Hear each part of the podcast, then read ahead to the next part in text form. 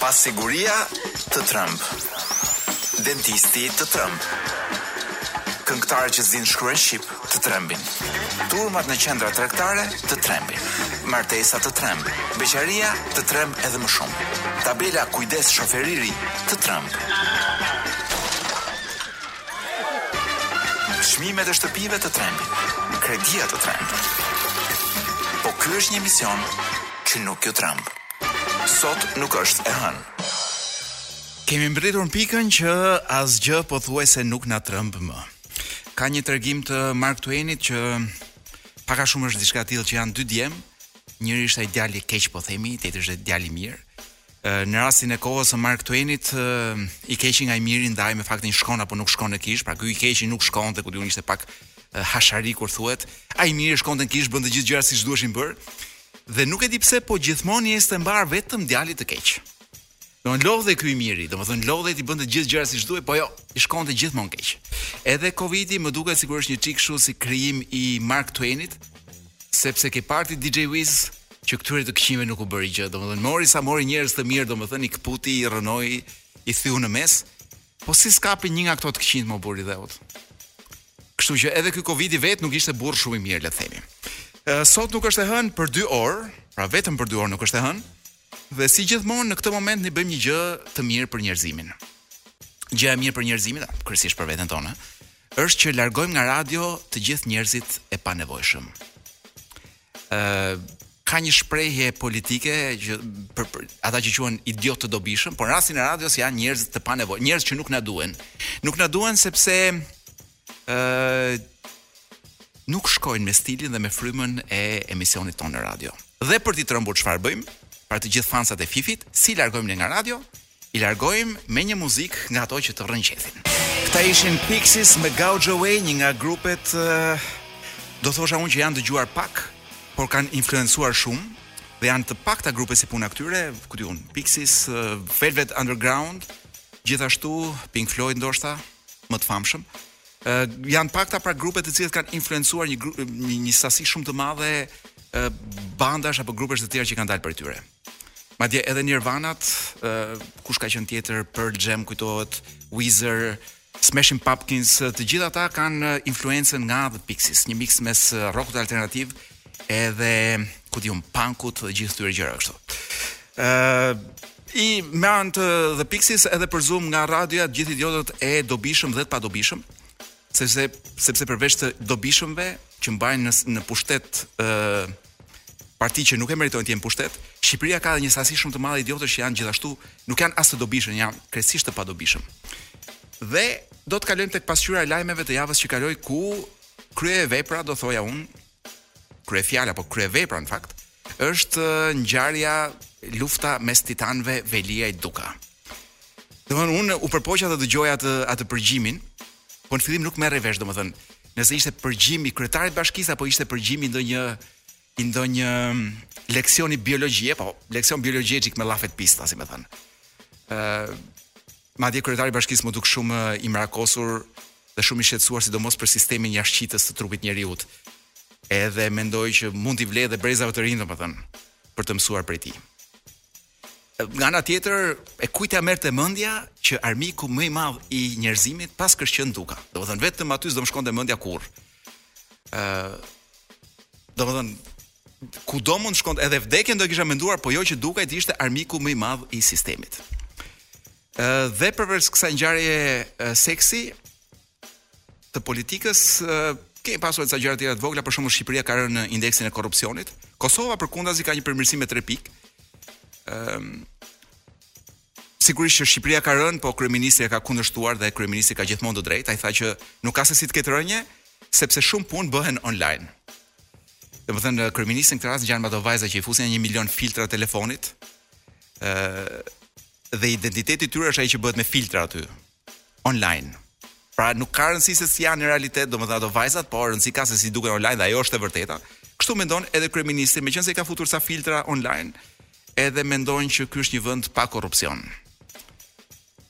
Por edhe jeton në, le të themi në kullën e vet të fildishtë në në aty në periferi të Tiranës dhe nuk e di se ç'bëhet këtej vërdall. Deputetët e PD-s, tani nuk e di cilët deputetë kanë qenë këta, po mendoj që janë ky brezi i ri i deputetëve. Allabashistët. Paskan shpalosur një banderolë në kuvend ku paskan ironizuar qeverinë. Domethënë kanë filluar të përdorin strategji futbolli. Domethënë si puna e tifozëve të futbollit, edhe pak ka ngelur që të fillojnë të hajnë fara në parlament, edhe të fillojnë të shajnë lojtarët. Çfarë kemi tjetër? Po në parlament pas ka ndodhur diçka shumë interesante, kamerat pas kanë fiksuar bisedën në WhatsApp. Qoftë se mund të quhet bisedë, sepse një fjali ishte ajo e shkreta, Ku Flamur Noka i shkruan Lindita Nikollës dhe i thotë një fjali të tillë. Edhe një herë Berisha për procedurë dhe ikëm neve. Pra një lloj kërcënimi kështu. Si puna e prindit që i lutet mësuesit të aktivizojë më shumë fëmijën. Domethënë, ëm Tash e vërteta është që ne shqiptarët shumë gjëra vetëm sa për procedurë i bëjmë nuk e di pse është nxefur nxefur Noka. Po gjëja më simpatike ishte për të parë përveç fjalisë që morën të gjithë dhe më duket se të parët e kishin nxjerr po Balkan Webi. Pra një kameraman i Balkan Webit e kishte fotografuar ekranin e celularit të Nokës. Po unë u bëra më shumë kurioz se sa fjalia për Lindita Nikollën, m'u duk me kë ka folur Noka.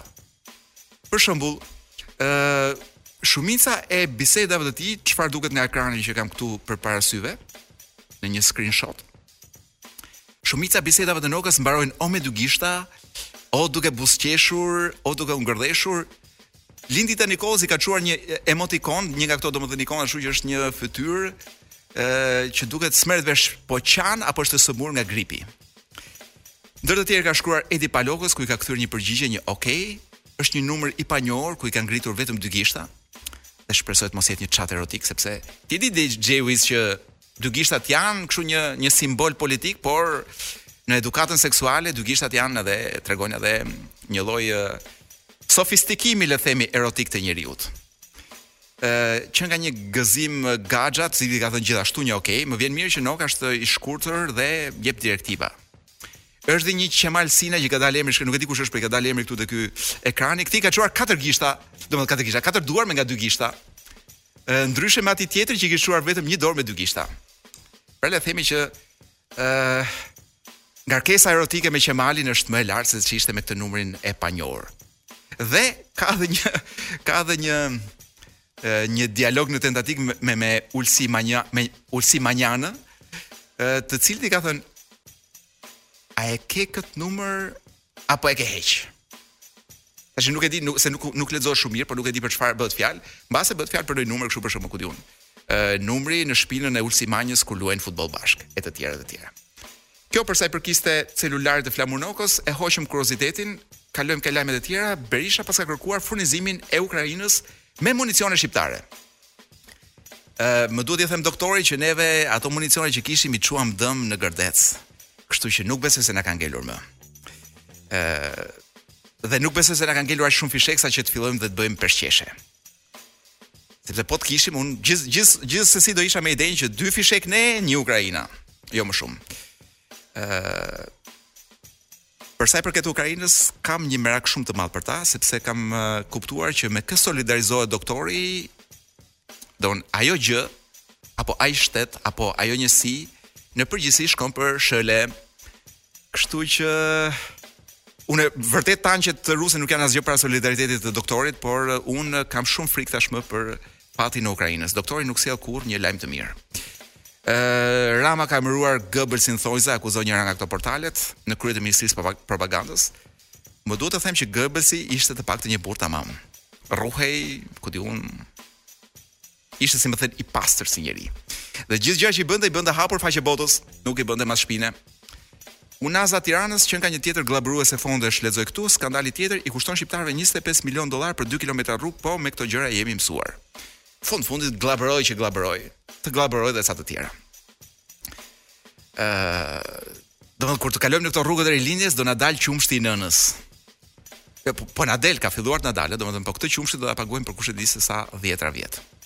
Dhe për ta mbyllur me këtë fazë të parë të lajmeve, paskan zbuluar një inspektor të Bashkisë së Elbasanit, ë që paska pasur arsenal armësh në shtëpi. Nuk e di nëse ka pasur edhe ndonjë koleksion pullash poste, se këto gjëra shkojnë bashkë, koleksionistët të tillë janë. Por un vetë jam shumë shumë entuziast, sepse këta janë inspektorët e vërtetë.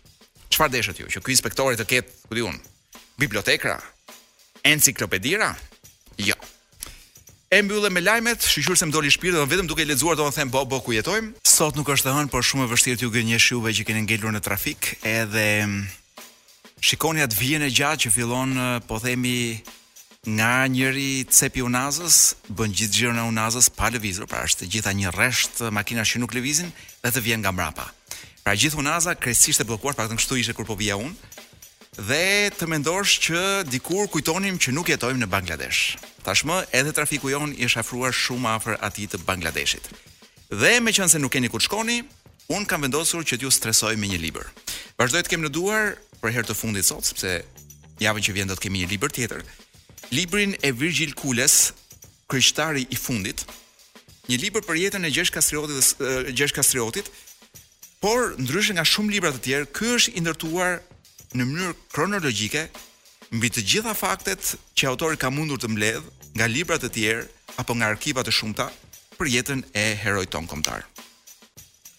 Ë libri është unë mendoj është gati gati shterrues sepse nuk ka shumë emocionalitet brenda përveç faktit që Virgjili mendon që Kastrioti kishte një projekt të vetin për Shqipërinë Europiane, të cilin nuk arriti ta mbaronte por projekti ngeli atje.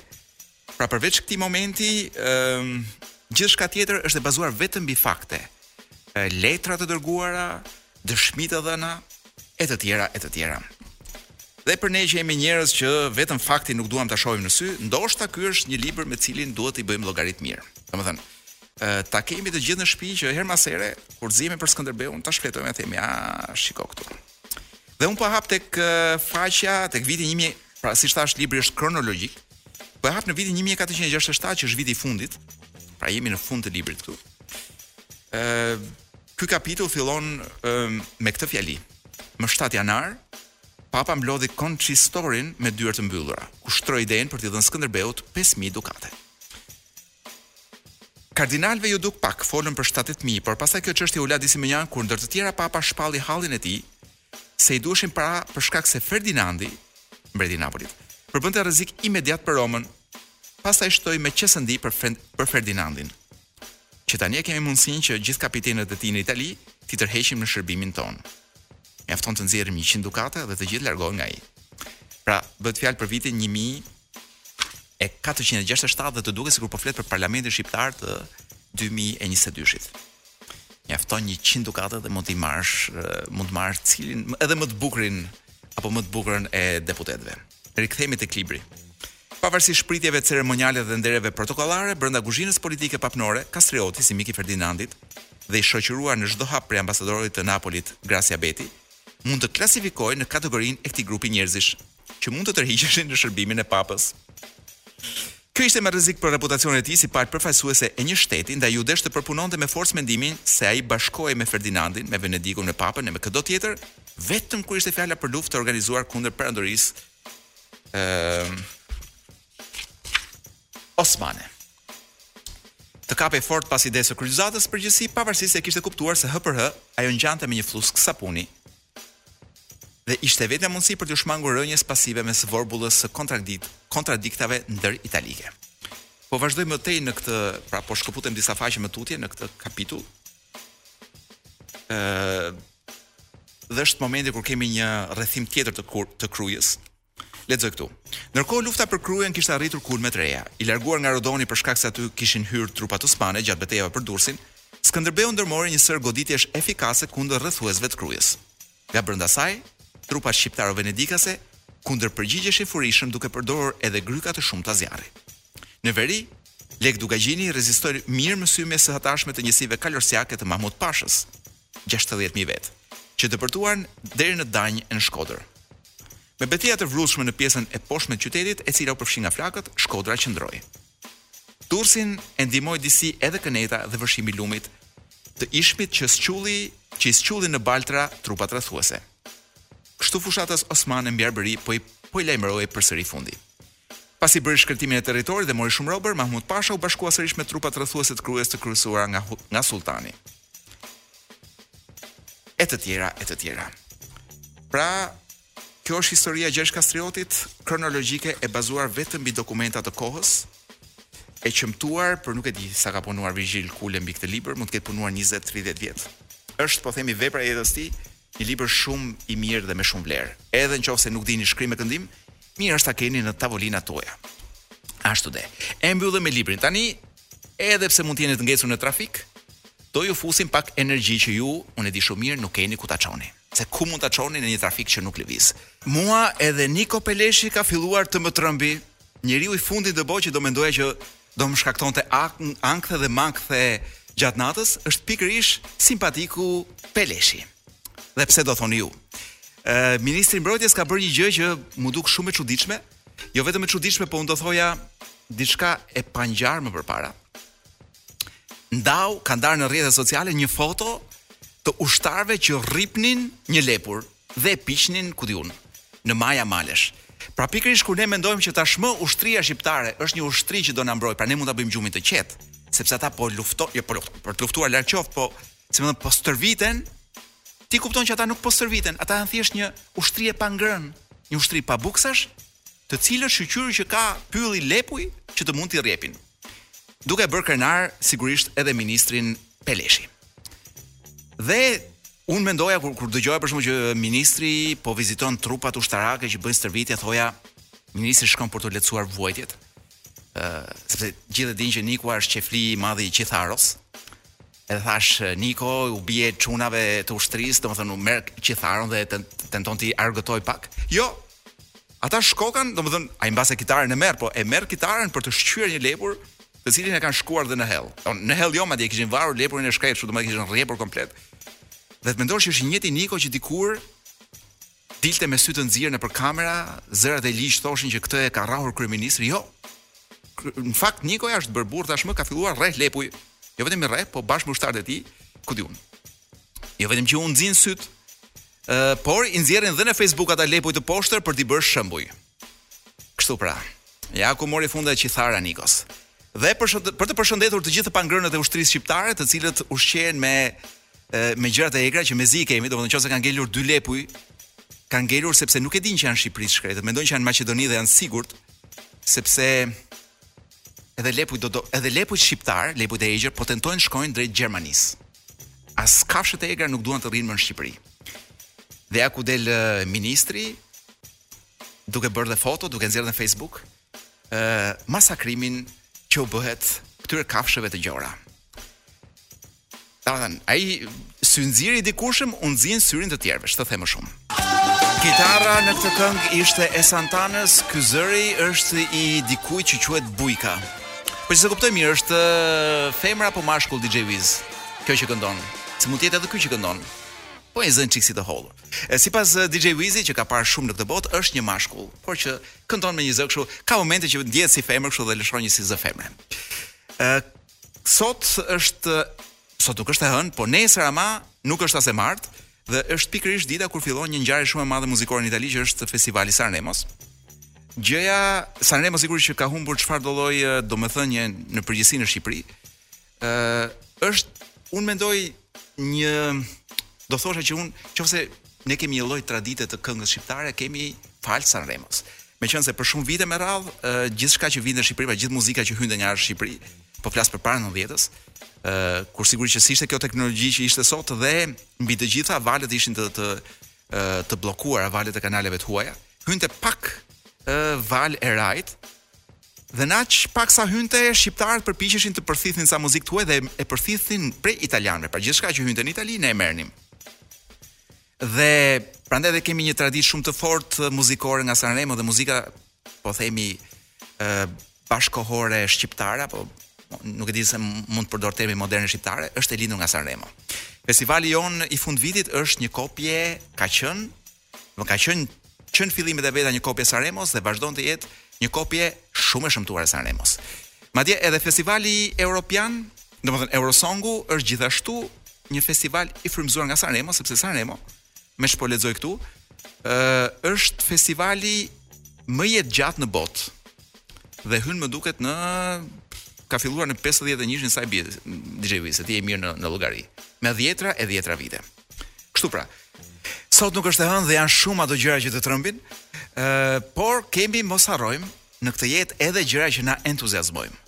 Ë uh, na entuziazmojnë dhe unë mendoj që ju mund të mos e kuptoni entuziazmin tim, por fakti që Joni Mitchell vendosi që të dalë nga Spotify dhe të mos luajë asnjë këngë të vetën aty, mua më ka entuziazmuar shumë.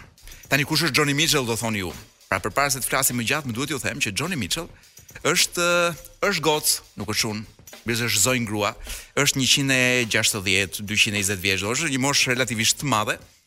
Ju mund ta keni dëgjuar dhe harruar pastaj, kjo është ka një këngë në kolonën zanore të filmit Love Actually. Në qoftë se ju nuk e keni parë filmin Love Actually, atëherë mendoj që keni humbur diçka shumë të rëndësishme nga nga emocionet e këtyre 20-30 viteve të fundit, jo 20 vjet më duket ka, ë që na vijnë për Krishtlindje dhe vijnë përmes filmit Love Actually. Pra keni humbur diçka, kështu që shkojni, shkoni dhe shikojini menjëherë. Joni Mitchell është brenda këtij filmi në një moment ku burri tradhtar i dhuron gruas së tradhtuar një CD të Joni Mitchell. Dhe gruaja e tradhtuar u thotë kalamajve ja, jo, prej Joni Mitchell unë i thotë mamaja juaj mësoi se si të dashuroj. Ë sepse këtë efekt me sa duket Joni Mitchell u ka bërë prej, prej 200 vjetësh vajzave dhe grave ë të shumë gjeneratave.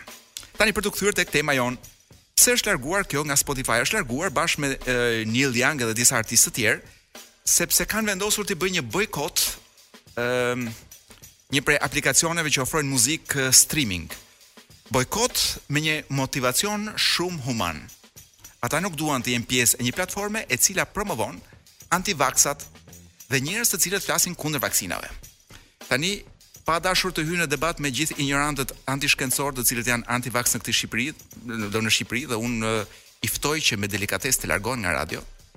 Pra, unë nuk dua ose unë nuk e mendoj që mund të komunikoj me njerëz të cilët ë e bërtasin injorancën e tyre kundër vaksinave dhe ngrihen kundër shkencës nga shpella e tyre dhe nga vrima ku jetojnë. Por për t'u kthyer te kjo pjesa e bojkotit, pse artistët tanë nuk bëjnë kurrë në jetën e tyre ë një akt qytetar si puna bojkotit për shembull. Unë do thosha që janë nja dy arsye. E para, sepse kanë frikë. Ë dhe frika e tyre vjen nga shumë don ata e dinë që këta njerëzit me shumë para, bizneset me shumë para, apo dhe politikanët apo dhe partitë u kanë praktikisht në dorë jetën dhe të ardhurat e tyre. Kjo është e para dhe e dyta, sepse artistët tanë nuk kanë asnjë lloj pjesa më madhe, një përqindje shumë e lartë nuk kanë asnjë lloj ndjeshmërie qytetare. Qëllimi i tyre është vetëm të bëjnë para dhe të jetojnë mirë.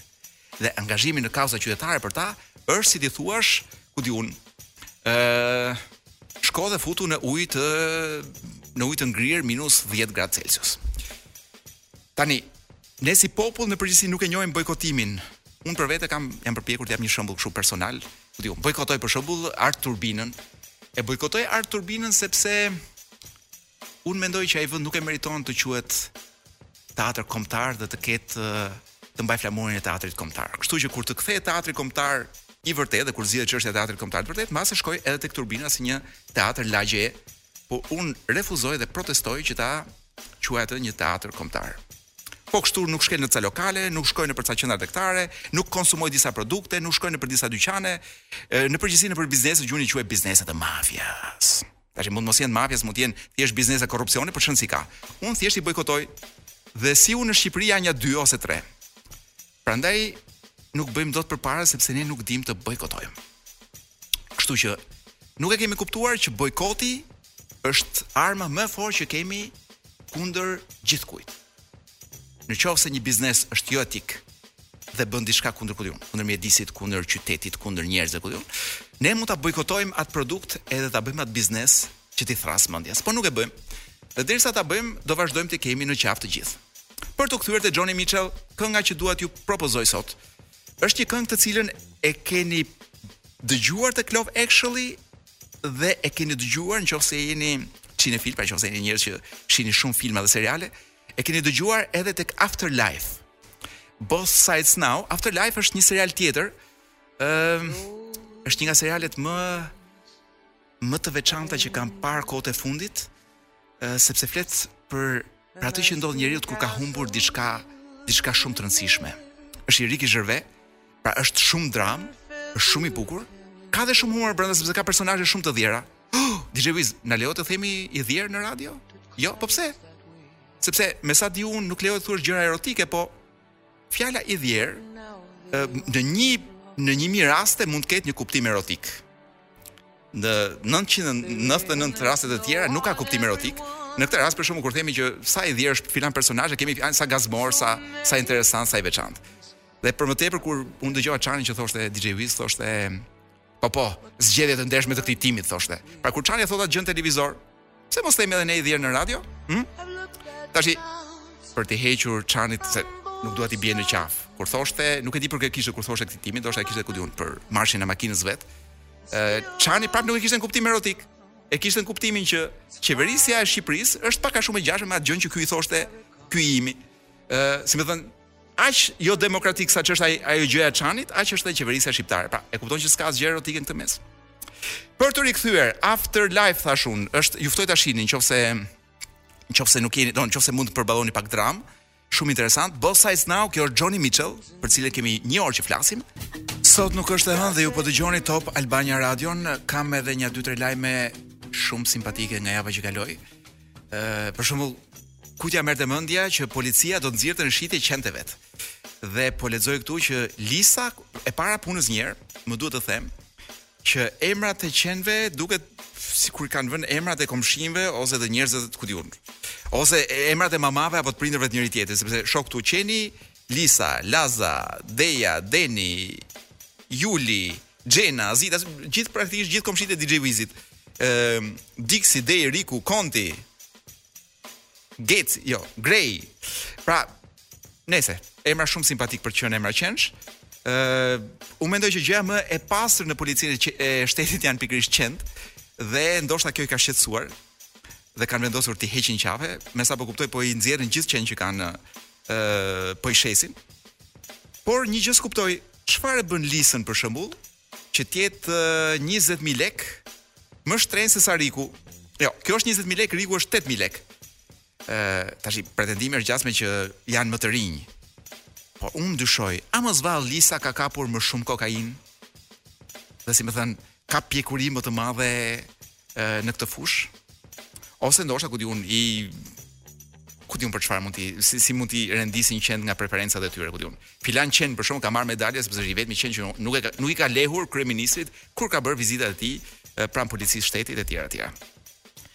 Do të shiten qentë e shtetit, unë do kisha preferuar që të trajtoheshin një formë tjetër, që këta qen një lloj sikurse nxirren në pension policët, njerëz, edhe policët qen duhen nxjerrë në pension. Pra shteti duhet të mendojë për pensionimin e tyre.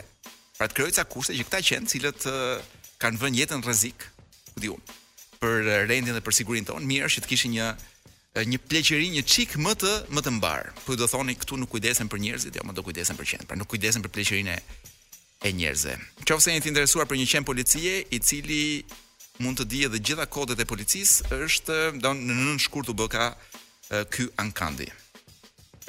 Çfarë kemi tjetër? Po kemi edhe një ngjarje tjetër që më duket edhe kjo me vlerë për t'u thënë. ë Thas me kanabis nga Shqipëria kapen në Serbi, paskan nxjerrë dhe pamjet ata, jo neve sigurisht. Dhe unë mendoj që kur kryeministri flet dhe ëndrron për Ballkanin e hapur, ndoshta këtu e ka pasur Këtu e ka pasur fjalën. Tash mund të jetë ndonjë thes më tepër se ç'kishte imagjinuar kryeministri, po thelbi unë mendoj që ky është. Kostet e thesës nuk po ju lodh me këtë. Ambasada shqiptare paska ndërprerë punën në pesë shtete, shkak, shkak moti i keq dhe pandemia. Ë, imagjinoni sa e ka ose sa do ta ngadalësojë ingranazhin e botës mbyllja ambasadave shqiptare nga moti i keq dhe nga pandemia. Pra pikërisht në fund të pandemisë ne kujtohemi për të bërë mbyllje nga pandemia. Me siguri nuk kanë para për të paguar qiranë ose rrogat, thashetheme të zeza të krijuara nga unë. Dhe lajmi më simpatik në mënyrë absolute ishte recitimi i presidentit i cili u shndërrua në dhjetra meme. Ë tani çështja është që a do bënin italianët të njëjtën gjë me Matarelën, po themi, nëse Matarela do dilte në një emision duke recituar Danten. Sigurisht Naimi nuk është Dante, po prapë është Naimi është diçka me vlerë që kemi. Apo nuk o DJ Wiz se ti e Naimin recitoi apo jo? Naimin duket po. Naimin dhe Longfellow. Kështu pra, kemi një pati një kështu një shpërthim të të të rrjetit me me recitimet e presidentit.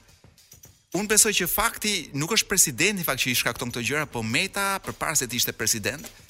Pra njerëzit e kanë shumë vështirë të lidhin njeriun që që hidhej mbi tavolina që ku di unë që bënte revolta në parlament, ë njeriun që zhvilloi atë fushatën agresive, pra gjithë atë Ilirin e këtyre 30 viteve e kemi të pamundur të imagjinojmë si njeri që reciton poezi. Personalisht unë i vlerësoj shumë presidentët që recitojnë poezinë. Fund fundit, ë, tashi mirë do ishte ta kishte lexuar edhe ndonjë gjë nga Freudi, po edhe me këtë Longfellow nuk ishte keq. Pra, unë personalisht mendoj që është i vetmi rast që jemi sjellë keq me një ose ë jemi sjellë në fakt unë mendoj që kemi nxjerrë një gjë të keqe nga vetja duke u tallur me njërin i cili reciton poezi. Sepse ndoshta ne nuk mendojmë që këta që qeverisin duhet të jenë poetë nga brenda, siç është me sa duket presidenti aktual. Kështu pra, nuk jam dakord DJ Wiz me talljen që i është bërë presidentit. Unë dua që të dalin të gjithë dhe të recitojnë poezi atje. Biles mezi po pres Elisa Spiropalin. Të vijë dhe të na recitojë diçka nga Shoku Zylo. Nga Shoku Zylo ose nga shokë të tjerë të partisë. E mbyllim me këtë pjesën e lajmeve, çfarë kemi? Kemi një, do rikthehemi pak, është një gjë shumë e bukur kjo. Është një grup gjerman, por që në fakt ka bërë një mix, bën një mix të bossa novës, të të jazzit, ë të funkut, ku di unë, të chill outit, seç ka një mix zhanresh aty brenda. që është shumë shumë i bukur dhe të zhvendos, do thoja unë të zhvendos në plazh. Ashtu dhe. Është dhe John Lee Hooker aty brenda. Janë Bahama Soul Club. Dhe ne do zhvendosemi zëreni sikur jeni te bregu i, ku di unë, i Havanës. Jo i Havanës tonë këtu, i Havanës atje. Bahama Soul Club, Never Roam No More. Dhe ja ku jemi tek ora e seksit për të gjithë ju që edhe seksi nuk ju tremb. Sot do të flasim për një fenomen që është shumë i përhapur, sidomos këtej nga lagjja jonë, dhe bëhet fjalë për kafshimet gjatë seksit DJ Wiz. Kafshimet gjatë seksit, ëm, në qoftë se partneri juaj është nga ata që kafshojnë, DJ Wizi kafshohet vazhdimisht, nganjëherë dhe nga shokët e punës, kështu duke lozur me njëri-tjetrin. Ëh, nuk është çudi që nganjëherë edhe të bezdiseni, por paska një studim shkencor për këtë gjë dhe nuk po flas për rastet e kanibalizmit, ëh. Do pra nuk po flas për rastet kur partneri ose partnerja ju kafshon kështu si me dashuri dhe pastaj mas mas 2 minutash ju e shikoni të vrapojë me ku di unë me veshin tuaj në gojë ose me diçka tjetër tuaj në gojë pasi jua ka shkulur nga trupi. Pra nuk po flas për këto gjëra, po flasim për atë që shkenca dhe kam këtu një studim të botuar është pak i vjetër, është i 2018-s, po. Dy mijë e tetëmbëdhjeta për ne është si të ishte pardje. Ë është botuar në një nga këto revistat shkencore dhe flet pikërisht për fenomenin e dëshirës për të kafshuar partnerët dhe këta paskën e paskëshin konsideruar si një si mund ta përkthej shqip unë këtë, si një sulm i lezetshëm. Domethënë cute aggression. një agresion i lezetshëm.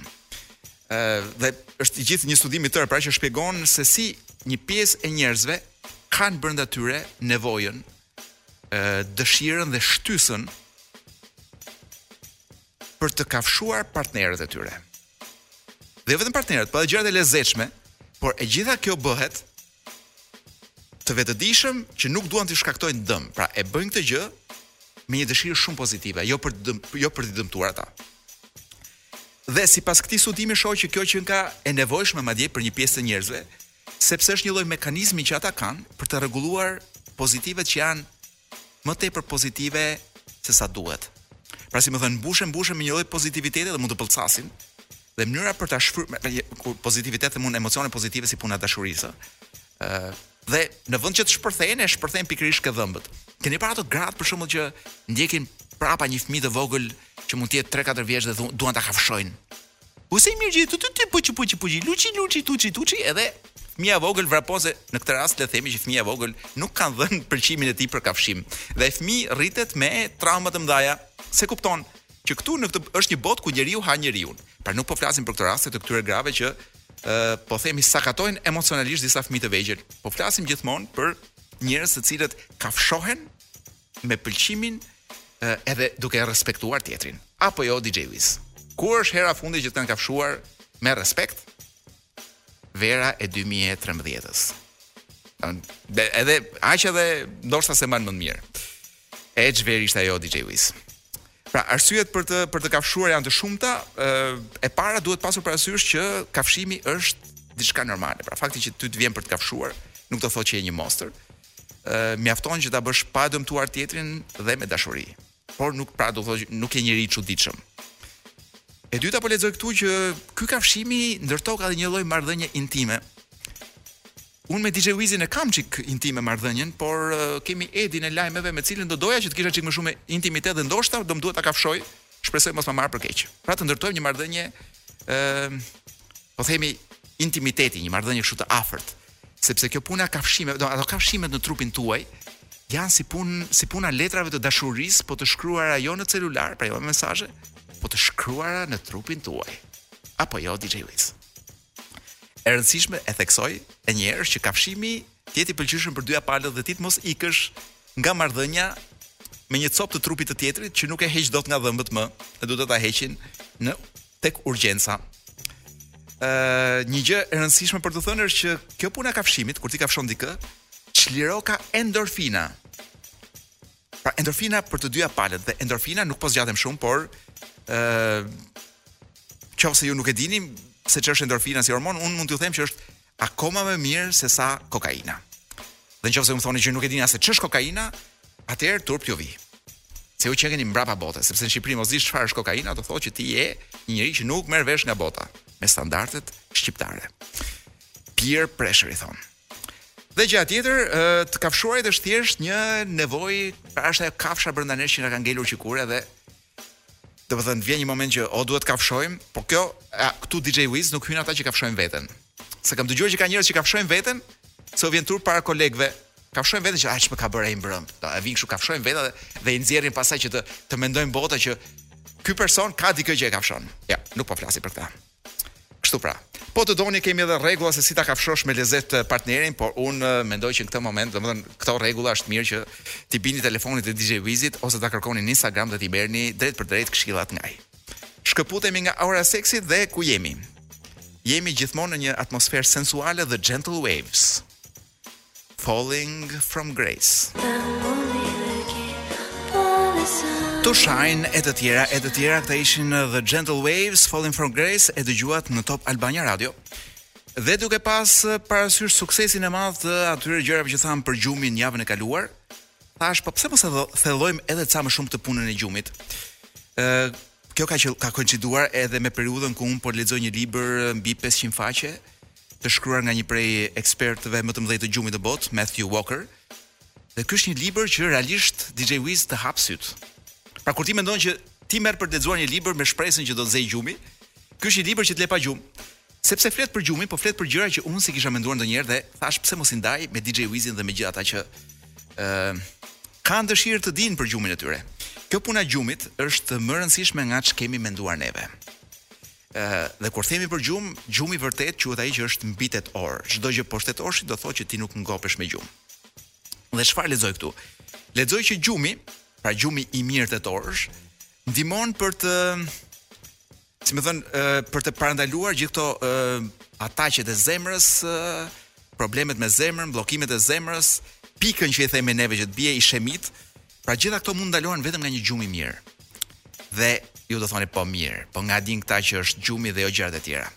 Ah, sepse ka një eksperiment global që ne e bëjmë vit për vit, pa e kuptuar. Pra marrin pjesë të gjithë vit për vit te ky eksperiment. Dhe bëhet fjalë për momentin kur ndrohet ora. Ë, ju e dini që ora ndrohet dy herë, një herë në pranverë dhe një herë në vjeshtë. Ndrimi i orës në pranverë bën që në hemisferën tonë vjer, veriore janë 1.5 bilion njerëz, të cilët janë të pra si bie me me, me tonat. 1 1 miliard e gjysmë njerëz, të cilët janë të detyruar që ta reduktojnë gjumin e tyre me 1 orë.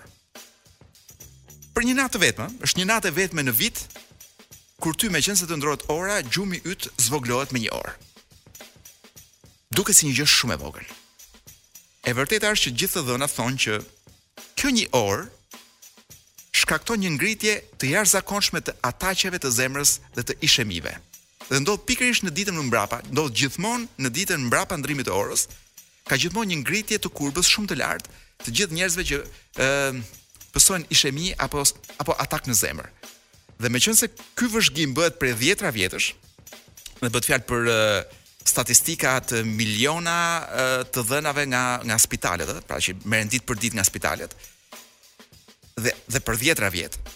Dhe është kuptuar që vetëm në këtë ditë të vitit ndodh pikërisht kjo ngritja e frikshme thotë tu, e problemeve të të, të atakut të zemrës edhe të të ishemive.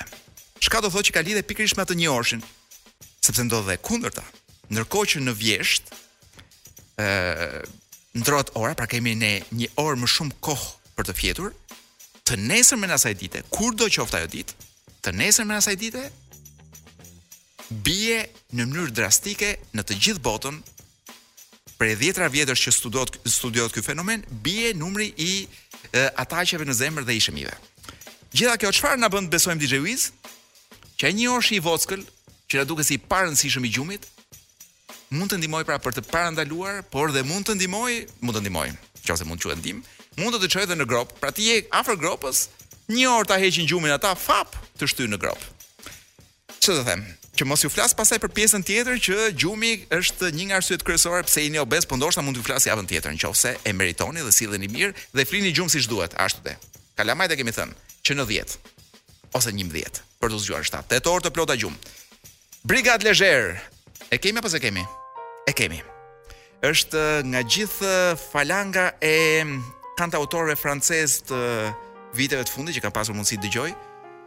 Ky zotëria që kam parë dhe live dhe është një fenomen i jashtëzakonshëm më pëlqen shumë. Arthur H, Brigade légère, Top Albania Radio.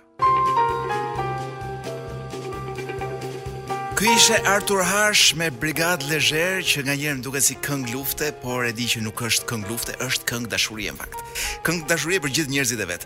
Dhe jemi një ditë larg uh, Sanremos që është uh, një event pothuajse i papërfillshëm në Shqipëri, Po është një event shumë i rëndësishëm në Itali. Ka qenë shumë i rëndësishëm për muzikën shqiptare në atë kohë kur ne merrnim një model italian për të zhvilluar muzikën. Tani për fat keq modeli jonë është bullgar. Domethënë gjithçka që ndodh në Bullgari ne mund ta dimë. Pra gjithë rrymat që fryjnë nga Bullgaria muzikore, të gjitha vijnë dhe nuk e di pse ngjisin në tokën tonë. Megjithatë Sanremo ë ka prodhuar vitin e kaluar një një nga fenomenet muzikore më të veçanta të të një pjese të madhe të historisë muzikore të, të kontinentit, sepse grupi italian Maneskin që mori pjesë në Eurosong u bë një fenomen botëror. Pra nga nga Italia fitoi Sanremon, shkoi në Eurosong, fitoi eh, Festivalin Europian të Këngës dhe u bë një grup i cili është çdo dy javë në një nga programet më të mëdha italiane eh, amerikane, i ftuar pra për të performuar. I kanë stadiumet e mbushura plot, nuk gjen më bileta për t'i parë. Dhe e gjitha kjo sepse kanë brenda një lloj energjie që unë për fat keq nuk e gjej dot tek asnjë lloj muzike në Shqipëri. Edhe në Itali dhe në vende të tjera, por ka një lloj gjëje e re. Është një gjë, është thjesht një gjë e re. prandaj njerëzit ndoshta e duan. Dhe pikërisht me këtë grup largohemi sot, janë Maneskin me Zitti e buoni. Është një nga mënyrat se si mund të propozohet muzikë, po ne ndoshta nuk do arrijmë dot kurrë atje. Zitti e buoni, Maneskin, kjo është Top Albania Radio.